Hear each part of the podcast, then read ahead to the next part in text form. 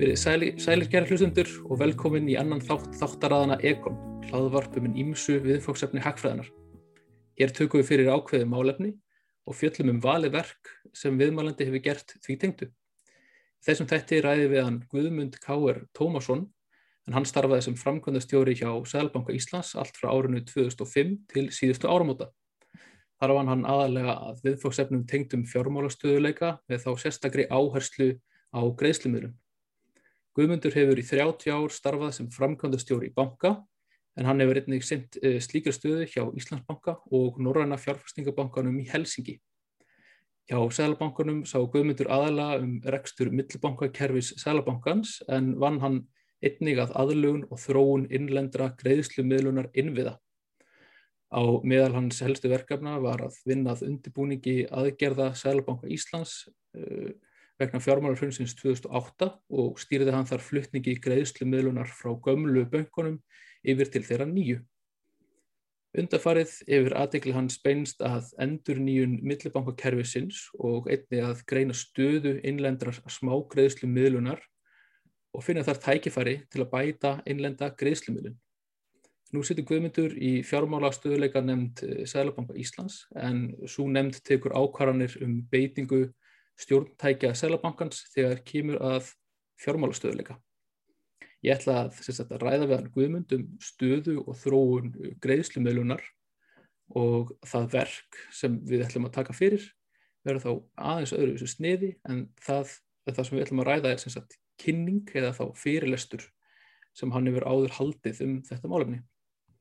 Verður velkomin þáttinn guðmundur.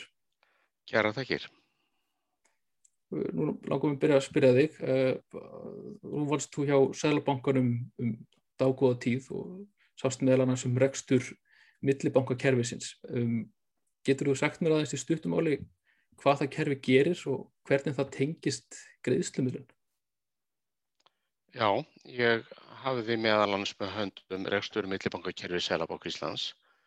En auk þess að þá snýri starf mitt hjá Sælabankanum um yfirsýn yfir innlenda greiðslumilun, stefnumótun þróun og regluverk, auk umsjónar með fjárhýslum bankans og reyðufjárhlutverk hans. Eins og ykkur er án ef á þér og öðrum kunnutum að þá er langstæðsti hluti innlenda greiðslumiluna rafrætt og árlegt umfang slíkra greiðsla, þar sé heldar flæði í kerfinu, nefnur um rúmlega 50 biljörðum, 50 þúsund miljörðum og af þessari fjárhæð renna 22 biljardar í gegnum millibókakerfin, þar sé stórgrislu og þar kemur aðkáma tenging við selabankan. En restinn er samanlögðar fæslur innan hvers og eins bank og þeirra allra saman. Það sé að greiðslu sem renna milli reikninga í sama banka. En millibankakerfin eða stórgrislu og jöfnarkerfin tengja greiðslumiðlun á þann hátt að í gegnum þau fara allar greiðslur sem fara á milli banka frá einum banka til annars og í tilviki stórgreiðslukerfisins eru það allar greiðslu sem eru 10 miljónir króna hverfæsla eða hærri uh, og það kerfi, stórgreiðslukerfi er aðeins opið á opnunatíma bankana. Dagleg velta þessa kerfis eru rúmir 70 miljardar en hver einstök fæsla er allt frá 10 upp í miljarda, jafnveg 20 miljarda. En í gegnum jöfnunarkerfið sem eru þá kerfi sem eru opið allan sólarhingin, alla daga ársins, þar eru allar greiðslu sem eru 10 miljónir króna eða lægri og í gegnum þetta kerfi fara allar þær fæslu sem við þekkjum dagstælega millir einstaklinga, tengis kortum og öppum og, og fyrirtækjum og stopnunum enda sér greiðsla þó undir 10 miljónir króna. Og þetta er nóni, þetta eru greiðslu sem fara frá banka A til banka B eða banka C, það sé að milli banka kerfur. Og þessi kerfi eru reygin á efnaðarsreikningi Sælabankans og þau gegna afar mikilvægu hlutverki í greiðslumilun á þann hátt að þau eigða allir í mótaðila á þetta. Og þau eru líka eh, rauntíma greiðslukerfi þar að segja móttakandi fær aðgang að greiðslunni um leið og sendandi saman nánast á sama augnablíki og það er engin áhætti í þessu vegna þess að bankin þinn, ef ég ætla að senda á þig 10.000 krónur, bankin þinn veit það að hérna, hann, bankin minn mun borga bankanu þínu þessa fjárhæð sem þú varst að borga vegna þess að hann á kröfu á selabankan og það er áhættulegis krafa. Þess vegna allir mótaðal áhættu, allir áhættu er eitt og ég raun og veru fara þarna fram tveir hliðstæðir samsíða greiðslu ströymar. Þegar ég borga þér 10.000 krónur þá lækkar innstæðan á, á reikningi mínu í bankanum mínu við 10 skall á sama augnarbyggi hækkar hún á þínu reikningi í bankanum þínum en samtímis lækkar innstæða bankans míns í selabankanum en innstæðan á reikningi bankans þíns hækkar um sömu fjárað. Og til viðbótað við þetta sem er alltaf rafrænt að þá koma svo greiðslur með reyðu fjö en það eru náttúrulega ekki rafrænar og þær eru svona hlutfastlega auðvitað að hafa farið minkandi um árunum en útistandandi reyðu fjö eru 70 miljardar í dag hluti af því er hérna í virkugreisluminnum, hluti er í geimslu þar sem fólk bara geimi penningan sína, geimi verðmætin í, í reyðufjö og það breytir svo einu tíma til annars. En það er svona cirka 12-14% af allir greislumilun, smágreislumilun sem er í reyðufjö. Hitt er alltaf afrænt. Þetta er mjög hófavert. Um, Emmi, þegar ég heyra minnst á greiðstumilun og komst að það sinna á þetta núna áðan uh, þá hugsa maður með um, þá almenna bankaþjónustu kreditkort, greiðslubósak upp, svoleiðis mm, er þetta þá ekki mitt við erum alltaf einn á sviði viðskiptabankastar sem er hér, það ekki? Jú, klálega, við erum það en aðkoma selabankars er þarna þó hún sé ekki samt sínileg þér og mér þegar við erum að greiða eða nota kortin okkur slít en en Selabankin á aðkoma þessu einhvað síður með óbeinum hætti á þann hátt að ef greiðslan fer frá einu banka til annars þá fer það í gegnum Selabankan. Tökum sem dæmi, þú ert að kaupa einhverja vöru hjá fyrirtæki, þú ert í, í viðskiptum við banka Selansbankan en fyrirtæki sem þú ert í viðskiptum við, við Íslandsbanka og þegar þú greiðir með öppum eða sendir millifæslir í gegnum kerfið þá, þá fer það í gegnum Selabanka með þeim hættir ég áður lísti með þessum tveimur sams hérna, e, síða greiðslu ströymum. En í tilviki reyðu fér sem er náttúrulega miklu minna notað eins og áður sagði, þá er það selabankin sem aðfendir Vístabönkunum reyðu fér og þeir mæta síðan eftir spurn þín eða einstaklinga, fyrirtæki og annar eftir reyðu fér með því að taka vinstaðurreikningi þeirra og, og aðfenda þeir reyðu fér. Selabankin er ekki neinum beinum samskiptum við uh, einstaklinga eða fyrirtæki Hann er banki ríkisjós, hann er vistabanki ríkisjós og banki bankana sem að þjónustar þá. Þannig að það er alveg rétt að, eins og þú nefnir, að það eru viðskiptabankarnir sem bjóða einstaklingum fyrirtækjum stofnunum og bankavískipti og svo þjónusta, hún felur í sér eh, innlána þjónustu, hún felur í sér útlán ef þú þarf fyrir það og greiðsluminu sem byggðir ofan á grunn hérna, eh, innlánsreikningana. Og eh, og þann hátt er þetta náttúrulega eh, vistabankarnir öðru, öðru fremur sem þarna, þarna eiga aðild að. Þegar um greiðslukortir að ræða þá eru fjórir aðilar. Það eru, það eru nokkur viðskiptarsambund sem er í gangi og greiðslukortir er mjög almenn á Íslandi. Í fyrsta legi er það sem bankinn þinn sem gefur út kortið og þú færða sem notandi, það er, það er það þú sem notandi, bankinn sem er e, þáttækandi eitt og þú á grundilli viðskiptarsambands við bankan færkortið, síðan eru það fæslu hyrðar, þeir eru gera samninga við eh, seljandur vöru og þjónustu og hérna eh, sapna saman öllum fæslum sem fari í gegnum kortið þitt og síðan hérna gera það samning við bankan þannig að þeir gefa bankanum merki um leið og nota kortið og þá millifæri bankin sölu, andverið sem notar kortið inn til þeirra og Þeir skila síðan sagt, hérna, fjármununum til eh, kaupmannsins en að frádregnu þeirri þóknun sem þeir hafa sami við hann um að taka fyrir þjónustuna. Mm -hmm. En þetta er, er út á við aðalega, eðlilega vistabankastarsinni, það er rétt. Mm -hmm. Í kynningunum talar þú líka um að eftir uh, fjármálarhunni 2008 uh, áttur sér stað mikla breytingar í greiðslimurinn ekki sett og að þessi breytingar hafa aðeins svona að takmarkað eh, náð til Íslands. Eh, Tilur að Ísland hafa dreyist aftur úr eh, þegar kemur að þessum málaflokk, þessum greiðslumiðurum? Já, Ísland hefur verið að gera það og, og í raun og veru það sem gerist eftir hrunið er að þá raungerðist áhætta í sumu tilvikum og sumu til nú leitum til tjóns í öru tilvikum bara sáumennana sem gerðu sér ekki með skýrum fyrir hætti grein fyrir áður. Þannig að hún, það var til þess að menn tókuð alla þessa hluti til gaggjara skoðunar og fram til þess tíma þá voru selabankar almennt ekki að skipta sér mjög mikið af smákvæmslimilun. Heldur varu þetta stóru, háu fjárhæðinar og allt það. En þegar menn gerðu sér grein fyrir þessu þá áttuðu sig á því að smákvæmslimiluninn sem þeim fannst ekki skipta svo miklu máli hún gætt orðið vísi til að koma stað höggi og þess vegna svona beindist öll aðtíkluna að reyna að eigða þessar áhættu. Ísland hefur klálega verið að dragast aftur því miður og Ísland hafði fyrir um áratug fyrir fjármáláfallið algjöra sérstöðu sem byggði á því sem við máðum að tala um þar sé rauntíma smágræslumilun. Smágræslumilun, nei fyrir ekki, sko rauntímagræslumilun var áður algeng áratug, einum og hálfum áratug áður en afmarkaðist aðeins og engungu við háar fjárhæðir sem runna á milli bankana en ekki þessar hérna, daglegu litlu fæslur sem við þekkjum. Og, þessi sérstæð Íslands, hún byggðist og kom til vegna þess að bankarnir í samstarfið við Selabank Íslands sameinuðust á sínum tíma um að stopna reiknustofu bankana og þar var til eitt miðlegt kerfi sem gerði allt það sem ég er að lýsa mögulegt og hérna löngu og undan öllum öðrum.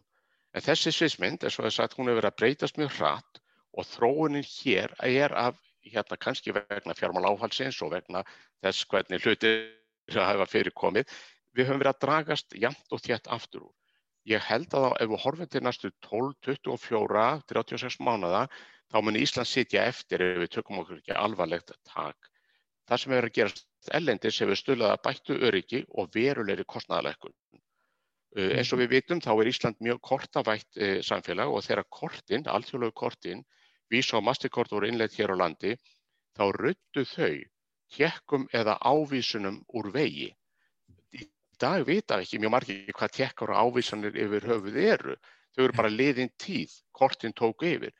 En enn í dag eru tjekkar algeng greiðslumilun í bandaríkjónum. Sýnir hvernig þetta hátróða samfélag er þó eftir, hvað, hvað, eftir á hvað þetta, þetta varðar.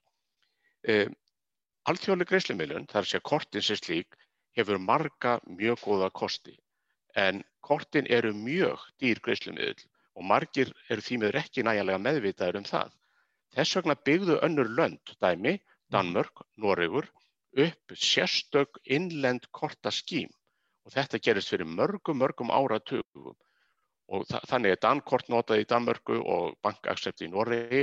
Og þessa korta fyrirkomulega hefur algjör að sérstuðu yfirgnæðandi markarslutat og eru miklu ódýrar í nótkun bæði fyrir þig sem notanda og fyrir kaupmannin sem, sem hérna, nýtir þau líka. Og e, þeir eru komni vel til ára sinna þessi gömlu korta einviðir en þeir munu á einhverjum tíma að deyja út vegna nýtt mun taka við. En það er ekkert vitt fyrir okkur að byggja upp neitt sambarilegt vegna þetta er bara liðin tíð, kort er og mm. útleið í þeirri mynd sem við þekkjum þau í, í dag, þó við sjáum þau í vissum skilningi gangi í endur nýja lífsdaga og það gerist með því að kortafyrirtækin og bankarnir hafa útbúið upp sem við þekkjum öll, það eru 12 mismöndu uppi á nótkunn og Íslandi, en þau auga það öll sameiginlegt að þau eru aðeins frammendalust, það er ekkert sem er breytt á bakvið heldur aðeins framöndalust sem það gerir svona eigun notendavænleika hérna kortana en eigðir ekki áhættunni sem er undirleikjandi, dregur ekki úr kostnaði. Nefnum að síður sé heldur eigur hann og menn láta það yfir sig ganga. En það er til önnulaust og það er svo laust sem er að, er að reyða sér til rúms núna í vaksandi mæli, miklu ódýrari og örugari en greiðslukort. Og hún er það sem kallaðast er account to account. Og það er að taka yfir svolítið markaðinn á Norðurlöndum og víða annar staðar, þá millir færum með appi samstundist greiðslu af reikningi þínum eins og verið debitkort og inn á reikning uh, seljanda vöru og þjónustu. Kostanum er brota brota því sem kortin eru, greiðslan er instant alveg í, í rauntíma, einhver milliliðir og hérna kostnaðurinn er, er miklu miklu lægri. Um, já, ég held að það sko ef við horfum fram á, fram á veginn þá eru viðstöðu lausar millifæslur framtíðin uh, sagt, með slíku snjallforriti án aðkomið þriði aðila. Eitthvað sem eigur öryggi, bætir skilvirkni og lækkar kostnað. Við erum enn eftirbótar, við, bankarnir hafa verið að skoða þetta með aðkomið selabankans en því miður hefur ekki tekist að hrinda því enn í framkvæmt og eflaust á korona, uh, COVID og allt þetta sem þátt í því því að samtöl sem voru í gangi og eru í gangi það hefur gengið styrður einfallega menn hafi ekki geta hist og, og rætt þessa hluti. En þetta mhm. er á döfinni en því miður ekki komið til framkvæmda. Mitt, einmitt, þú einmitt áallega er það ekki rétt hjá mér, sagt, hver sagt, innlendur, uh, sagt, hvað innlend greiðslumilum þá líka kostar þá Íslands samfélag þá með tölum frá 2018. Um, getur það sagt mig frá þessu líka? Uh, hvernig þú að kostnæma þá fór það aðeins fram og hvað það leiti í ljós? Já, sko Sælabankin hefur tvívegis reynt að leggja mat á samfélagslegan kostnæð við greiðslumilun ég man ekki hvernig fyrir aðtugunum fór fram það eru komin allir langt síðan en síðari aðtugunum fór fram 2019-2020 og byggði þá á tölum frá 2018 Og þetta gerðum við á, með sambærilegu, með áþekkum hætti og aðri selabankar hafa gert og við horfum sérstaklega til fyrirkomilagsins líka út á samabyrðarhæfni við eh, Noreg og Danmörk. Og þetta var unnið í nánu samráði við bankana, fæsluhyrða, kaupmenn og almenning á grundvelli skoðanakönnuna sem gerð var eh, meðal þeirra. Bankarnir og fæsluhyrðar svörðu skilmerka öllu þeim spurningu sem selabanki beindi til þeirra Uh, og síðan völdum við ákveðin fyrirtæki og óskuðum eftir þáttöku þeirra fyrirtæki sem við töldum að endur speiklaði tiltekna greinar í sagt, samfélaginu. Þannig að eitthvað eitt fyrirtæki var eh, skona tákgrænt fyrir þennan geira og annað fyrirtæki fyrir ann, annan geira og svo framvegis. Þau svöruðu vissulega en svörin voru ekki kannski íkja nákvæm alltaf og þess vegna var erfitt að draga svona, segja, pott þetta álíktun af þeim og við gáttum heldur ekki byrt þessi svör vegna að það, við gáttum ekki tryggt óreikjanleika sem var algjör fórsendað fyrir því við gætum byrt eitthvað. En enga síður gáðu þau mjög sterka vísbendingu og niðurstaða þessar könnunar með þeim formerkjum sem ég áður hérna, nefndi leiti í ljós að samfélagslegu kostnaður við greiðsluminn á Íslandi nefnur 1,6% af vergri landsframlýslu eða um 45 miljardum krónu ári. Þessi tala 1,6% er mjög há samaborið við önnu lönd sem dæmi má nefna að í Noregi er þessi kostnaður aðeins 0,49 af verkli landframlýslu. Í Danmörku er, hún, er hlutfalli 0,53 og í Svíþjóð 0,78 þannig við erum langt, langt fyrir ofan aðra. En Danmörk og Noregur eiga það sameigilegt eins og ég áður sagði að þeir eru með þetta innlenda debitkortakerfi sem þeir hafa verið að nota og er batsins tíma Svíþjóð og Ísland, Svíþjóð er næst á eftir Íslandi þarna í þessum samanbyrði, við höfum það sammeilegt að við notum, bæði löndi nota aðeins og engangu alþjóðlega kort sem er einfallega allt og allt og dýr. Og Danmörk nota reyðu fyrir sem nú ekki endilega ódýrasti kosturinn en er samt miklu ódýrari heldur en hjá okkur og viðaskvarðan annar staðar.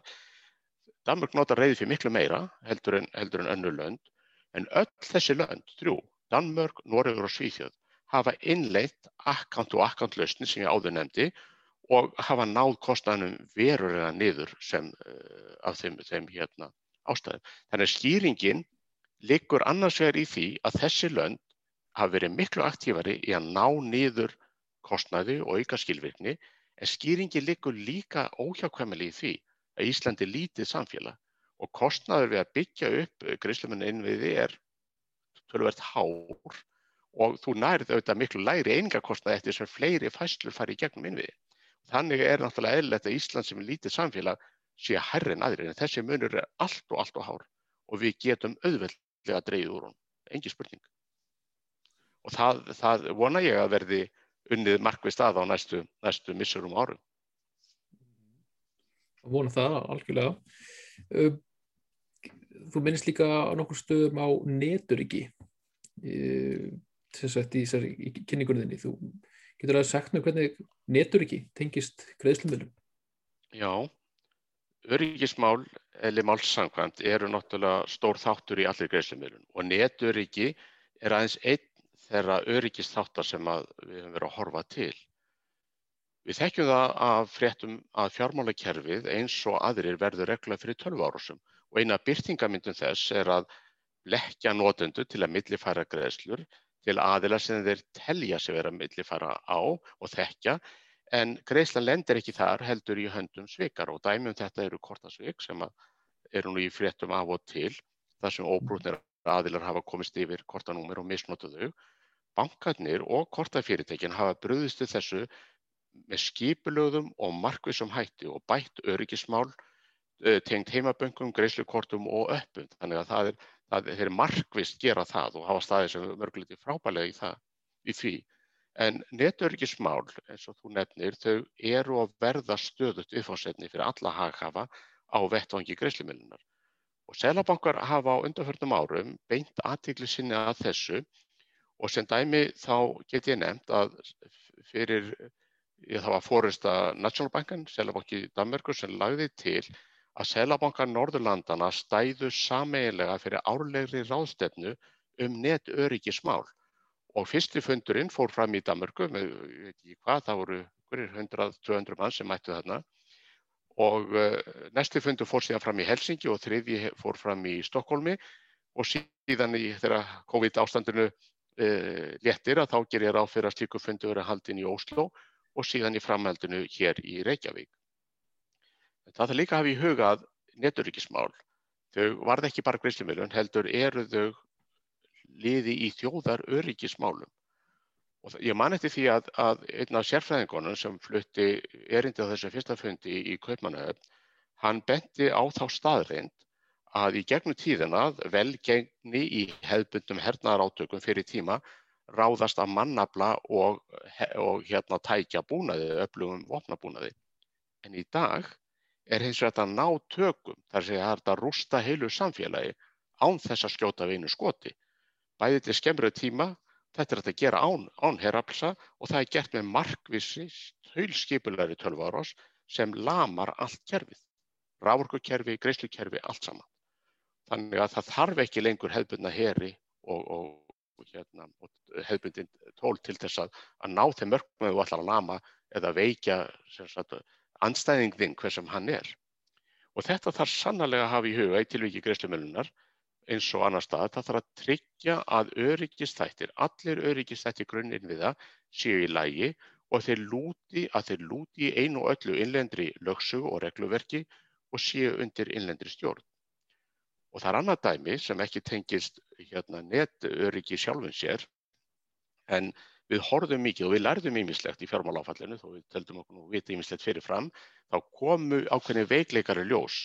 Og í ljósi þeirra reynslu og þekkingar sem við auðvitaðum þar, þá tók Selabankin til aðtuguna tiltekna áhættu tengda alþjóðlegum greiðslukortum og byrti niðurstöðu þeirra vinnu í skýslu eða sérriti sem ber heitið smágreislu miðlum frá sjónarhóli viðbúnar og fjármálastöðuleika og uh, svo skýsla er aðgengileg fyrir þá sem að hérna áhuga hafa á á heimasíðu bankans og þetta eins og segi var það ekki netur ekki heldur möguleika utan að komandi aðila nánaðið tekið sagt, eigendur alþjóðlegu kortarsamstefna til að stöðva uh, stóran hluta innlendar smákurslumiðlunar. Það vald er hjá þeim. Þeir, þeir geta með öðrum orðum í því setupi sem er núna, hvort það er að pólitískum fjárhastlegum með öðrum toga lamað gríslumiðlununa. Og það er gjössan og óásættaleg staða fyrir öll samfélag. Þess vegna hafa önnulönd lagt svo ríka áherslu á að byggja upp innlenda innviði sem lúta aðeins og engungu innlendri stjórn til þess að eiga að vara leið ef að svona staða kemur upp. Það er augljóst að þetta kemur víða við greiðslumöðlum. Um, þú tala líka fyrir að stopna samstarfsvettvang um rekstraröryggi fjármálakerfis eh, þá skamstafað SURF í kynningunni hérna, fjallar um þetta hvað getur það sagt mér af hverju þú til þetta vera mikilvægt?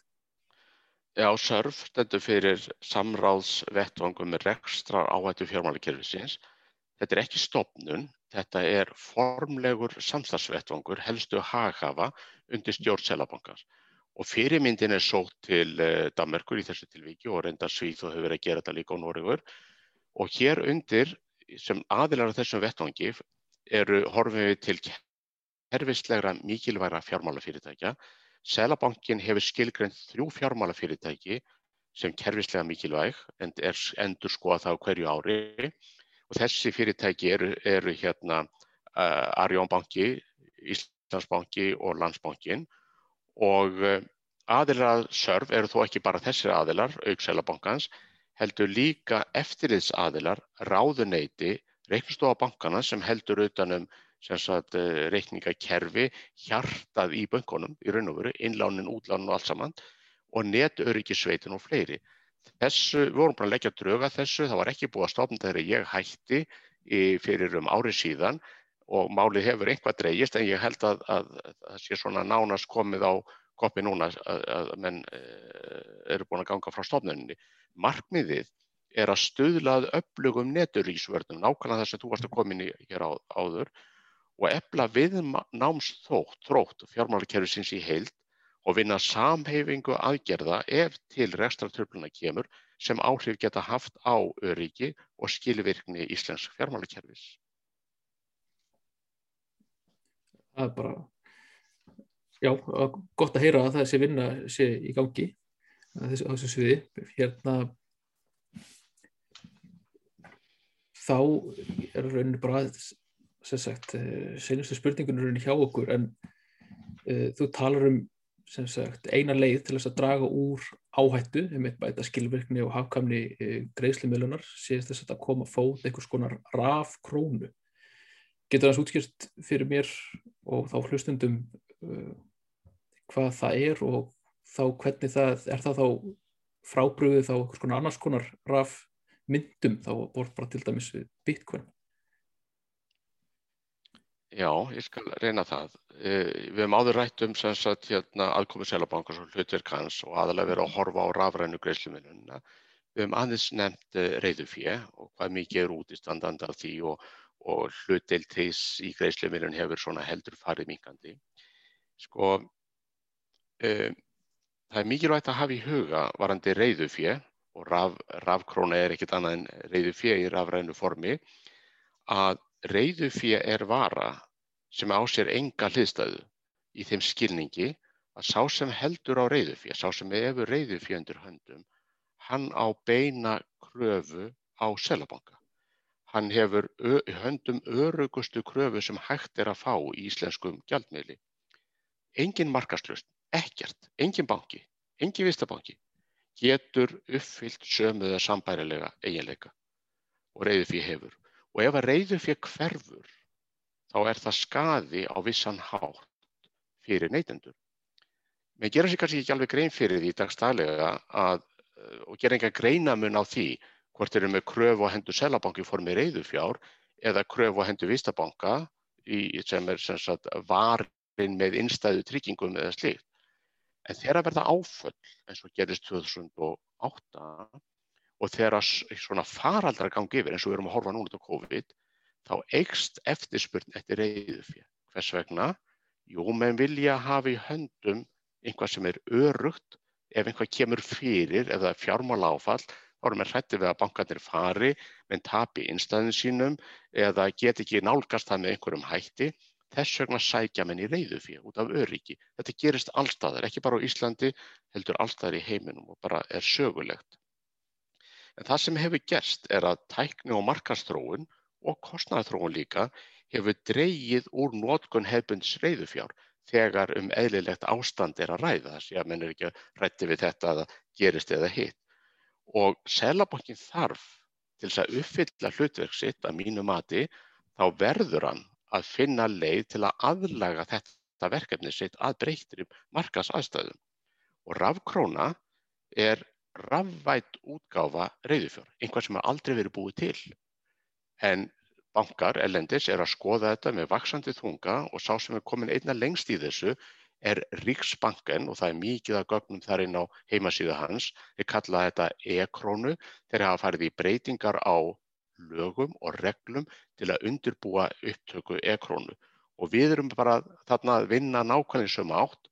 Við erum að lið í að, að, að stuðla aukjum fjölbryturleika, aukinni samkeppni og, og aukri skilvirkni og áhættumingun að gera þetta. Þetta verður ekki gert nema því aðeins að tilkomi lagabreiting. Þannig að þetta er eitthvað sem er ferlið sem er takað ákveðin tíma.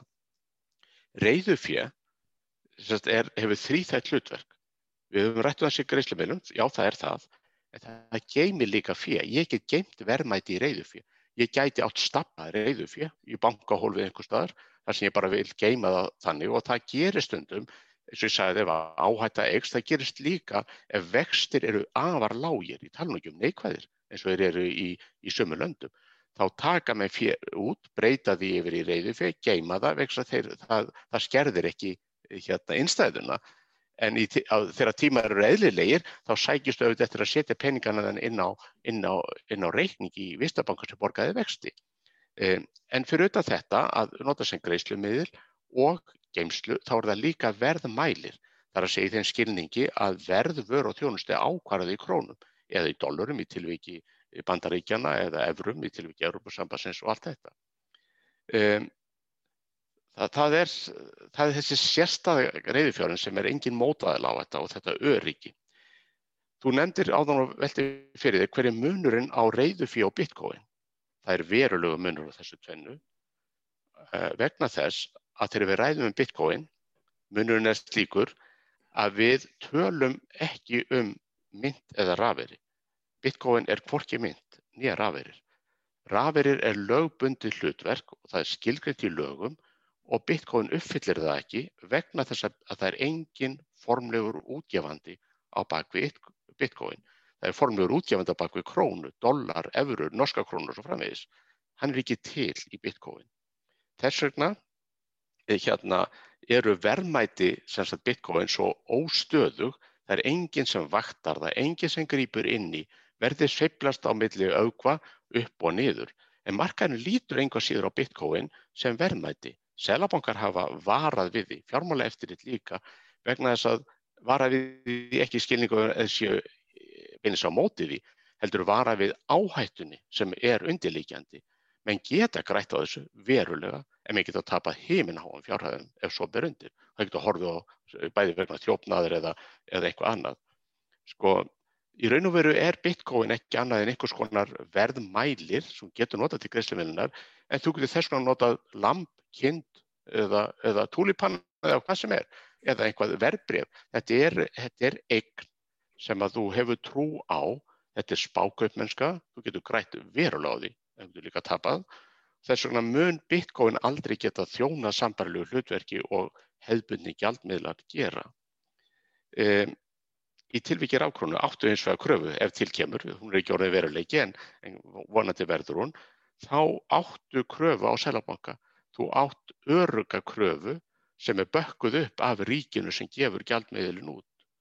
Og selabankin ætti að velta þessu fyrir sér að gefa út rákróna mínu viti vegna þess að það myndi auka hlutdeild selabankafjár í greiðslumiðlun og það myndi draga úr áhættu, það myndi veita böngunum samkerni. Sumir segja að ef Selabankin gerir þetta, þá er hann góðin í beina samkerni við Vistabanka, það má til sannsvegar færa vissum marki, en gleymið því þá ekki að Selabankin var einráður á þessu markaði áður. Áður en rafræðan greiðsluminn kom til, þá var ekkit annað reyðu fyrir. Bankarnir koma eins og inn með nútímanlega lausnir sem að uh, lúta þróun, hérna, teknithróun og hagnýta sér teknithróunina og markaslausnar og keppa við Selabanka, ekkert um við besta mál. Selabanki er ekki að fara að keppa við eh, hérna, slíka við Vistabanka, þess að hann myndi aldrei bjóða þjónustu, afleita þjónustu eins og bankarnir gera, heldur aðeins og engungu greiðslumiðl, þannig að greiðslu geta flutt, flust, uh, viðstöðuleust án hindrana með lágum kostnaði frá A til B, ekkert annað. En, eh, en hérna, alls ekki að fara í samkjöfni við bankana. En auðvitað mun þetta breyta markaðinum og það eru tvær mismöndi leiðir hvernig þú gerir þetta. Þú getur gert það með veski þar sem hún hleður niður í símaðinn hérna, ákveðinu krónum og notar þær þar að segja einhvað sem er, hérna, sem er bara raunverulega safnreikningur sem er verið í selabankanum sem segði, já, útistandandi rafkrónur eru 50 miljardar og þeir eru hjá hinum á þessum, svo bara rótir að það. En Selabankin gæti líka gert og það sem menn eru að skoða og velta fyrir sig myndi gjörbreyta markaðinum er að ef að Selabankin opnaði innleysreikning fyrir þig, þá getur þú lagt inn á þann reikning, af því svo aldrei sumu um að takmarkuðum að lága fjárhæðir, þá ættur reikningi Selabanka sem væri örgasti reikning sem getur fengið og getur millifært á honum með sama hættu og millifærir í dag af reikningi innum í Íslandsbanka, Landsbanka eða Arjón eða hvað sem þú ert með þennan reikning. Þannig þetta er eitthvað sem menn eru að skoða með vaksandi tunga. Þetta, ég spáði því að þetta muni gerast, en nákvæmlega hvenar, hversu hratt, það er erfitt að segja. En um, þetta er mjög spennandi. Greiðslumilin, það er eins og sagt við mig þegar ég byrjaði að fást við greiðslumilin, ég byrjaði aðeins í Íslandsbanka, hérna, en þó í litlu mæli, en síðan þegar ég fór í Sælabankan, svo sagðir, þá hef ég límið snúið svolítið í kringum greiðslumilin Og þegar ég var að flytja mig og til Selabankars þá sagði menn við mig, býtu, hvað er þetta að fara að fást í greiðsluminn? Það er svo ósexy sem að hugsa, skilur, hvernig dettur er ég? Ég veist að já, já, ok. Svo eftir sem að byrja að fara inn í þetta, þá átta sem á því hvers konar magnaður heimur þetta er. Og ég get sagt við þig, ég held að sé engin geiri í bankakerfinu í dag, þar sem er álíka framþróun og mikil dýna mikið gangi eins og vettvangi greiðsluminnuna. Þetta er mjög spennandi heimur og fyrir þá sem er á fullu inn í atvinnulífinni í dag, bankakerfinu annars þar, þetta er virkilega þess verði að spá í. Engi spurning. Ráð mitt til ykkar. Þetta er mjög góð ráð og, og, og, og mjög áhugavert, þú segir. Þetta, við erum ákveð bara að þakka þér fyrir þá bara góð svör og að koma hérna í þáttinn. Uh, takk fyrir bara góður útskýringar og að kynna sagt, heim greiðslumilunar fyrir okkur. Um, Örstnögt bara lokin, hvað tekur við hjá þér núna næst?